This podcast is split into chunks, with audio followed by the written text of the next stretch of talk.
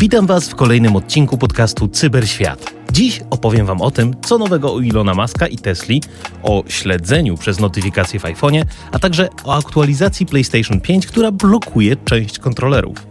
Wraz z doktorem Tomaszem Jachem porozmawiamy o sztucznej inteligencji, a później opowiem Wam o zmianach w ochronie kupujących na Allegro, a także o rewolucji w instalacji zewnętrznych aplikacji na iPhone'ach pod wpływem zmian w Unii Europejskiej. Zapraszam. Wejdź do cyberświata w radiu RMF24. O Ilonie Masku w tym tygodniu było głośno, ale nie tylko przez jego wizytę w Polsce. Nadchodzi nowy pojazd, który ma pojawić się w drugiej połowie przyszłego roku. To jest reakcja na tanie elektryki z Chin, które dzięki niskiej cenie coraz wyżej pojawiają się w słupkach sprzedaży. Cena nowego projektu o nazwie kodowej Redwood ma w Stanach wynieść około 25 tysięcy dolarów. Chiński producent BYD dostarczył jesienią więcej elektrycznych pojazdów niż Tesla, chociaż to amerykański producent był na czele pod względem rocznych dostaw. Eksport samochodów chińskich wzrósł ponad dwukrotnie w zeszłym roku, gdy kraj wysłał za granicę ponad 4 miliony pojazdów według chińskiej grupy branżowej. Protekcjonistyczne polityki handlowe oznaczają, że Amerykanie nie mogą kupować tańszych chińskich samochodów na rynku krajowym. Ale producenci, w tym np. BYD, rozważają produkcję w Meksyku, aby uniknąć barier celnych. Globalne badanie przeprowadzone przez firmę Deloitte wykazało, że wysokie stopy procentowe wpływają na decyzje zakupowe kierowców, szczególnie tych w Niemczech, Stanach czy Japonii. I może czasami wychodzi na to, że koszt posiadania elektryka jest tańszy przez kilka lat użytkowania ze względu na oszczędności na paliwie i konserwacji, ale elektryki nadal są droższe przy zakupie. Dla nas, konsumentów, ta bitwa pomiędzy producentami to w sumie są same plusy. Nie tylko będą walczyć ceną, ale też jakością, więc miejmy nadzieję, że ostatecznie wpłynie to wszystko pozytywnie na elektromobilność. Cyberświat, czyli przegląd technologicznych newsów tygodnia, tylko w radiu RMF24. Na naszych telefonach dostajemy mnóstwo powiadomień, które mogą przyprawić czasem o ból głowy. W tym tygodniu badacze z grupy MYSK odkryli, że niektóre z nich mogą służyć do śledzenia nas na telefonach iPhone. Zrobili oni badania na powiadomieniach z Facebooka. No i okazało się, że jak zamykamy takie powiadomienie, to sporo informacji o nas jest wysyłanych do firmy Meta. Adres IP, ile to czasu minęło od uruchomienia telefonu, ile mamy pamięci użytej i sporo innych danych, które razem mogą tworzyć taki cyfrowy odcisk palca, dzięki któremu łatwiej nas rozpoznać. LinkedIn dodatkowo sprawdza strefę czasową, jak jasno mamy ustawiony ekran, a nawet z jakiego operatora komórkowego korzystamy. Meta ustami Emilii Vasquez opisuje znaleziska badaczy jako misinterpretacja. Mówi, że możemy czasem używać tych informacji, nawet jeżeli aplikacja nie jest uruchomiona, żeby dostarczyć notyfikacje na czas, używając interfejsu programistycznego Apple'a. To jest zgodne z naszymi politykami. Co ciekawe, YouTube i Gmail na urządzeniach z jabłkiem nie zbierały takich danych, co muszę przyznać pozytywnie mnie zaskoczyło. Używanie danych zebranych podczas takich notyfikacji może być wykorzystywane do lepszego śledzenia użytkowników, na przykład przez reklamodawców, nawet jeżeli sobie tego nie życzymy. Od wiosny tego roku deweloperzy, którzy tworzą produkty na platformie Apple, będą musieli podać powody, dla których korzystają z tych, a nie innych API czy też danych. Ja to powiem wam, że byłbym szczęśliwy, gdyby te powody były dostępne publicznie. Ciekaw jestem, czy te firmy, które są tak głodne danych, złapane za rękę w końcu się poprawią. Mateusz Chrobok i Cyberświat, tylko w radiu RMF24. Mam wiadomość dla posiadaczy PlayStation 5. Ostatnia aktualizacja tej konsoli, ważąca ponad gigabajt, przyniosła nie tylko poprawki wydajności, ale też i niespodziankę. Chodzi o zablokowanie Cronus Zen, czyli takiego emulatora kontrolerów. Cronus Zen umożliwia użytkownikom PS5 podłączenie niestandardowych kontrolerów, a więc nie tylko tych wyprodukowanych przez Sony. W szczególności chodzi o myszkę i klawiaturę. W grach, szczególnie w strzelankach jednoosobowych, takie rozwiązanie może dać tym graczom przewagę. Po mojemu po prostu myszka jest o niebo lepsza w kwestii szybkości celowania. No i Sony postanowiło powiedzieć stop tej praktyce. Zaktualizowane PS5 blokuje teraz Cronus Zena i co ciekawe, sama firma Cronus w swoim oświadczeniu zasugerowała, że no, aktualizacja konsoli nie jest obowiązkowa. Jeżeli więc nie zaktualizujecie systemu, to Cronus Zen powinien działać jak dawniej. Ale uwaga, no nie ma gwarancji, kiedy i czy w ogóle ten problem zostanie rozwiązany. Firma wspomina o możliwym czasie oczekiwania od 24 godzin do 24 miesięcy. To z pewnością jest rozczarowanie dla wielu graczy. Wierzę, że twórcy takich rozwiązań znajdą jakiś sposób, żeby nie poddać się temu monopolowi. Z drugiej strony, w grach chciałoby się konkurować z ludźmi, mając równe szanse. Czy więc Sony zmieni swoje podejście, czy też gracze będą musieli się dostosować do nowych zasad? Cóż, czas pokaże. Cyberświat w radiu RMF24. Facebook wprowadził nową funkcję o nazwie Historia Linków. Cóż to takiego? Otóż, kiedy klikacie link na Facebooku, otwiera się on w wbudowanej przeglądarce aplikacji. I tutaj zaczyna się magia. Facebook zbiera historię tych linków, żeby serwować wam reklamy szyte na miarę. A dlaczego w ogóle to robią? Nie zapominajmy, że to nie jest tylko największa sieć społecznościowa, ale też potężna platforma reklamowa. Do tej pory używali tzw. Tak cookies stron trzecich, ale w tym roku mają one odejść do lamusa, szczególnie w przeglądarce Google Chrome. Co ciekawe, ta funkcja działa tylko w aplikacjach mobilnych Facebooka, a więc na razie jesteśmy spokojni o wersję webową i o Messengera. Po raz pierwszy otwierając link, Facebook zapyta nas o zgodę na używanie tej funkcji. I uwaga, domyślnie jest ona włączona, a wiadomo, że wszyscy dokładnie czytamy, co tam jest napisane. No więc sporo osób trafia w pułapkę. Jak wyłączyć tę historię linków? No to jest akurat proste. Jak wyłączyć tę historię linków? To jest akurat proste. W aplikacji Facebooka wejdźcie w menu, potem w ustawienia i prywatność, a następnie w przeglądarkę i wyłączcie opcję zezwalaj na historię linków. Możecie też wyczyścić tą już zebraną historię. Dla mnie takie połączenie to jest dark pattern, czyli taka praktyka, która ma namówić na coś użytkowników, nawet kiedy sami nie wiedzą, czy tego chcą. W końcu ta opcja jest domyślnie włączona. Ja, ponieważ mam alergię na zbieranie danych, zachęcam, byście to wyłączyli. Mateusz Chrobok i Cyberświat. Tylko w radiu RMF24. Rozwój sztucznej inteligencji ciągle przyspiesza. W tym tygodniu OpenAI ogłosiło kilka zmian, które chciałbym omówić z naszym gościem, po to, żeby je lepiej zrozumieć. Razem z nami jest dziś dr Tomasz Jak z Katedry Uczenia Maszynowego Uniwersytetu Ekonomicznego w Katowicach. Cześć Tomku. Cześć Mateusz. Co tam nowego ogłosiło OpenAI? Powiedz, co, co usłyszałeś? A jest kilka nowości. E, pierwsza z nich, która brzmi groźnie, to ogłosili nowe modele w kontekście embeddingów. Takie mądre słowo. A co to są te embeddingi? To może od razu rozszyfrujemy. A no cóż, embeddingi. E, nie wiem, czy ty byłeś kiedyś ostatnio w bibliotece, na przykład, taki z książkami fizycznymi. No już dawno. No właśnie, no więc wyobraź sobie, że każde słowo, pojęcie czy obiekt to jest taka książka w bibliotece. W rzeczywistości każda książka ma swoje miejsce na półce, które określa, jak jest powiązana z innymi książkami. No na przykład książki o gotowaniu będą obok siebie, książki o historii obok siebie i tak dalej. E, w świecie mhm. komputerów ten bending to sposób przekształcania słów, pojęć czy obiektów w zestawy liczb prostu, no bo komputery lepiej sobie radzą z liczbami niż ze słowami. E, I te liczby, co jest ważne, odzwierciedlają tak, jak te elementy są powiązane ze sobą. Czyli na przykład w takiej przestrzeni, czyli zamiany na te liczby, słowo kot i słowo pies będą stosunkowo blisko siebie, natomiast słowo kot i samochód będą od siebie daleko. Okej. Okay. Czyli taki sposób na to, żeby z dziedziny bardzo humanistycznej przejść do dziedziny matematyki i w jakiś sposób to wyrazić za pomocą liczby i zrozumieć. Tak, tak, to się przydaje. Dobrze, no to wiemy, wiemy co to są embeddingi, że jest nowy model, a co tam jeszcze się wydarzyło? Oprócz nowego modelu, e, OpenAI też stwierdziło, że ich dotychczasowe modele słabiej sobie radziły z językami innymi niż angielski. To znaczy, w języku angielskim czy w e, językach anglosaskich, no mamy tych liter ograniczoną liczbę. Nie ma takich znaków diakrytycznych jak on, e w języku polskim, już nie mówiąc o, o, o znakach e, alfabetu chińskiego. No mhm. i poprawili, poprawili zdecydowanie sposób działania modeli językowych dla języków innych niż angielskie za pomocą czegoś, co w informatyce nazywamy kodowaniem UTF-8. Okej, okay, czyli wszystkie szlaczki, wszystkie te takie dziwne rzeczy w końcu przestanie się to rozjeżdżać. E, robią się bardziej międzynarodowi. E, tak, zdecydowanie. Były jakieś metody czy jakieś obejścia, e, jak to można było robić do tej pory, ale nie było to wygodne. W tej chwili można właściwie w, jednym, w jednej wypowiedzi mieszać dowolne języki i model powinien sobie z tym poradzić. Pięknie, to brzmi jak ewolucja. A jak tam z cenami? E, ceny zapowiedzieli, że spadną. Prawdopodobnie dlatego, że zaczęli optymalizować swoje modele pod względem, pod względem cen właśnie i zapowiedzieli dość dużą redukcję kosztów, co powinno nas cieszyć.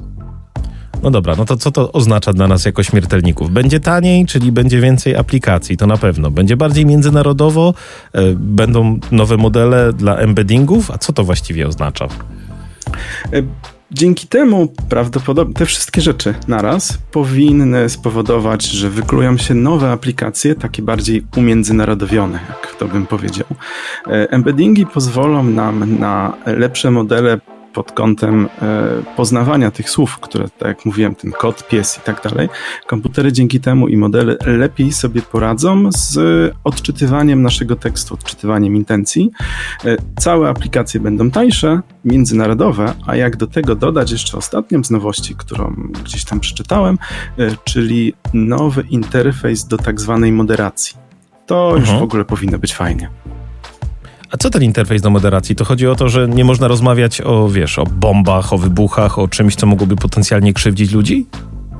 E, tak, między innymi, ale też e, do moderacji tak zwanej e, miękkiej, to znaczy do rzeczy związanych właśnie z bombami, jak powiedziałeś, z narkotykami, z innymi takimi nieprzyjemnymi rzeczami. Interfejs ten jest Zwykle e, model na początku zwraca się do takiego interfejsu moderacji z pytaniem, czy w ogóle powinien odpowiadać na, na jakieś pytanie zadane przez użytkownika. Okej, okay. znaczy, czytając to, co dzisiaj dzieje w mediach i samemu korzystając, wiesz, z GPT, e, widziałem, że czasami jest nadwrażliwy, miejmy nadzieję, że to poprawią. Razem z nami jest dr Tomasz Jach i rozmawiamy o sztucznej inteligencji. Na targach CES w Las Vegas firma Sear Grills wypuściła pierwszego na świecie grilla ze sztuczną inteligencją. Ja już mam wrażenie, że to AI to trafia naprawdę do wszystkiego, no i nie wiem, jak bardzo jest przereklamowane. Tomku, powiedz mi, co można w ogóle usprawnić w grillowaniu za pomocą AI? Oj, to sięgnąłeś do bardzo głębokiego tematu i takiego, który będzie dzielił nasze społeczeństwo. Grill jak to grill, to nie tylko karkówka rzucona gdzieś na, na węgle i, i w momencie, gdy stanie się czarna, to jedzona, ale to temperatura, to ogromny sposób e, przekręcania tego, jakiś marmurek, który na tym grillu powinien być, e, być może e, na jakim paliwie należałoby to robić, wędzenie, no, temat jest bardzo, bardzo szeroki i właściwie trudny do ogarnięcia dla przeciętnego śmiertelnika. Ale to chcesz powiedzieć, że po prostu przestrzeń rozwiązań, czyli tak dużo, na tak dużo roz, różnych sposobów można grillować, tak, że to jest trudne dla człowieka? E, tak dużo sposobów i tak dużo gustów przede wszystkim, więc w większości przypadków w grillowaniu i w gotowaniu chodzi o to, żeby potrawy były powtarzalne. Nie, że raz mi wyszło e, i chwalę się tym po kres zachodzącego słońca, e, ale chcę, aby działało to, czy żeby było to dobre cały czas. Więc AI będzie nam pomagało w tej powtarzalności. No i co to AI tam robi? AI dobiera temperaturę, dobiera y, sposób grillowania, dobiera palniki, jak mocno mają być, jak mocno mają być uruchamiane, a przede wszystkim czyni to, czyni ten proces takim bezbolesnym. No, jak ktoś posiada różne roboty kuchenne, no to wie o czym mowa. No dobra, powiedzmy, że to kupuję. W sensie wydaje mi się to trochę na wyrost, ale jak jest tak dużo czynników i powiesz potem takiej maszynie, dobra, to mi smakowało, to będzie robiło po prostu tak samo, ale AI tak brzmi strasznie. To może w inną stronę. E, dla mnie, wiesz, jak tworzy się film, to jest sekwencja klatek. Już znamy dużo modeli, które tworzą nam jakieś tam obrazy i w sumie to nie jest takie proste, żeby wygenerować klatki po sobie, które będą pasowały, a ostatnio Google wypuściła Lumiere, czyli taki model, który potrafi generować filmy na podstawie tekstu. I powiem szczerze, wygląda petarda. Czy możesz powiedzieć więcej o takim generowaniu filmów przez AI? Zaczęło się tak, jak wszyscy widzieliśmy, od tekstu, to znaczy ChatGPT, który opowiadał, odpowiadał i generował nam tekst. Potem poszliśmy o krok dalej e, i modele takie jak DALI i Midjourney generowały grafikę. E, a teraz, tak jak powiedziałeś, e, świat zachwyca się modelami, które potrafią nam generować w całości wideo. E, właściwie pod spodem to i to, to są dane. To są dane informatyczne zera i jedynki, jak można by było kolokwialnie powiedzieć. E, więc też cały problem jest tylko w mocy obliczeniowej i w sposobie tworzenia takiego modelu. Czyli tak ułatwiając to co, im więcej będziemy mieli kart graficznych, tym bardziej skomplikowane zadania jak filmy albo nie wiem, filmy 3D w przyszłości będziemy w stanie robić? Tak bym to tak. uprościć? Zdecydowanie tak. E, no i nasza kreatywność, bo ktoś musi te modele zaprogramować na samym początku. No, czyli ludzie, którzy potrafią pisać prompty, tak zwani prompt inżynierzy, będą coraz bardziej w cenie. No dobra, to, to, jeszcze jedno takie AI, które chciałem z tobą rozgryźć, bo trafiłem na firmę, która nazywa się Alinea i zainteresowało mnie to, że to jest taka apka, która celuje w młode kobiety z generacji Z, która ma je wspierać w decyzjach inwestycyjnych. No i mi to od razu tak trochę, tak powiem, śmierdzi, no bo ich model biznesowy to subskrypcja, ale skoro sami mają wiedzę o tym, jak inwestować, to czemu tego nie robią, tylko sprzedają coś takiego? Ja, mam, ja się obawiam o bezstronność takich AI, które się tam pojawiają. Jak Twoim zdaniem takie AI tam, tam siedzi? To system rekomendacyjny? Co to może być? Ciężko powiedzieć tak naprawdę, co jest tam w środku, natomiast te Twoje obawy z jednej strony są słuszne i uzasadnione, no bo nie wiemy tak naprawdę, jest to czarna skrzynka, nie wiadomo jak działa. Natomiast modele y, inwestycyjne i uwaga, proszę Państwa, to nie jest porada inwestycyjna. Modele w żadnym wypadku w żadnym wypadku. Modele inwestycyjne, tak zwani robodoradcy, już istnieją właściwie e, i całkiem nieźle działają, tylko nie ma tam za bardzo sztucznej inteligencji, jest po prostu matematyka. Okej, okay, czyli kolejny, kolejny taki rozwiązanie, które po prostu ma AI w nazwie i ma użytkowników przyciągnąć. Bardzo dziękuję Tomku. E, to był dr Tomasz Jak z Uniwersytetu Ekonomicznego w Katowicach. Bardzo dziękuję za informację i do usłyszenia przy kolejnej okazji. Dziękuję bardzo. Cyberświat w radiu RMF24. Ciekawe, cóż to się stało, że Allegro zmienia swoje zasady ochrony kupujących. Od września 2022 roku działa program Allegro Protect, który jest niczym rycerz w śniącej zbroi dla kupujących. Jeżeli zakupiony towar nie dotrze do Was albo będzie uszkodzony, no to dostajemy zwrot pieniędzy. I przyznam, że dawało mi to spory spokój przy zakupach. Ale od 12 lutego tego roku zmieniają się zasady gry. Firma poinformowała, że zamówienia opłacone w całości bonami nie będą miały opcji uzyskania rekompensaty. Kolejne zmiany dotyczą przesyłek zagubionych przez przewoźnika. Jeżeli paczka wyparuje gdzieś w drodze, a Wy korzystacie z subskrypcji Allegro Smart, to niestety rekompensaty nie zobaczycie. Co ciekawe, wprowadzono też maksymalną kwotę rekompensat, która została ustawiona na 40 tysięcy złotych na osobę w ciągu dwóch lat. Ale to nie koniec nowości w świecie Allegro. Od 12 lutego zmienia się też maksymalna wartość zakupu z Allegro Pay, nie więcej niż dwukrotność minimalnej pensji. Co ciekawe, opinie będą mogli wystawić tylko ci, którzy coś kupili w ciągu ostatniego roku. Po mojemu ktoś musiał grubo wykorzystać jakoś ten system, naciągając Allegro na kasę. W końcu z jakiegoś powodu te zmiany nadchodzą. Szkoda, że zazwyczaj w takich sytuacjach zwykli użytkownicy stracą część ochrony przez jakichś oszustów. Tak czy inaczej, dla mnie to są duże zmiany i mam nadzieję, że ta informacja też Wam pomoże przy zakupach. Cyberświat w radiu RMF24. Coś czuję, że niedługo do Europy będą ludzie przyjeżdżać, by kupować iPhony. A dlaczego? No więc Unia Europejska razem z DMA, czyli Digital Markets Act, wpłynęła na to, że Apple w końcu zmieniło swoje podejście do ekosystemu aplikacji na iPhone'ach w Europie. Po raz pierwszy w historii na iOSie pojawią się sklepy, w których będą mogły być dystrybuowane aplikacje. Tak, dobrze słyszycie, to jest koniec monopolu Apple'a App Store jako jedynego dystrybutora aplikacji na iPhone'ach. Zmiany wejdą w życie razem z aktualizacją do iOS 17.4 w marcu. A jak to wszystko będzie działać? No więc użytkownicy w Unii Europejskiej, którzy zaktualizują swoje urządzenia, będą mogli pobrać alternatywne sklepy z aplikacjami bezpośrednio ze stron internetowych tych sklepów. Ale uwaga, to nie jest wszystko takie różowe. Każdy taki sklep musi najpierw przejść przez proces zatwierdzania przez Apple. Po pobraniu użytkownik musi wyrazić zgodę na instalację aplikacji z tego sklepu, ale co też najważniejsze, po zatwierdzeniu możecie pobierać co tylko chcecie, nawet aplikacje, które nie spełniają wytycznych App Store'u. Można nawet ustawić taki sklep jako domyślny na swoim urządzeniu. Dla deweloperów też to w sumie jest dosyć spora zmiana. Mogą oni teraz wybrać, czy też chcą korzystać z systemu płatności Apple'a i dokonywać zakupów aplikacji, czy może zintegrować własny system płatności bez dodatkowych opłat dla Apple'a. Deweloperzy będą mogli dystrybuować tylko jedną wersję swojej aplikacji we wszystkich sklepach i nadal będą musieli przestrzegać podstawowych wymagań platformy, takich jak skanowanie pod kątem złośliwego oprogramowania. Co prawda, nie wszystkie zmiany są pozytywne, no bo sprzedaż aplikacji poza sklepem Apple'a ma podobno być mniej opłacalna. Mimo tego, coś czuję, że w wyniku tych zmian europejska odmiana iPhone'ów będzie bardziej atrakcyjna. W końcu czas na więcej wolności. Z drugiej strony to pewnie znacząco wpłynie na postrzegania bezpieczeństwa tego ekosystemu. W końcu będzie dodatkowy silnik dla przeglądarki. W Androidzie zaś od lat można korzystać z zewnętrznych sklepów. Moim zdaniem w końcu te oba wiodące systemy operacyjne na telefony zaczną grać w tej samej lidze. I to już wszystko na dziś w cyberświecie. Mateusz Chrobok, dziękuję za Waszą uwagę i do usłyszenia już za tydzień.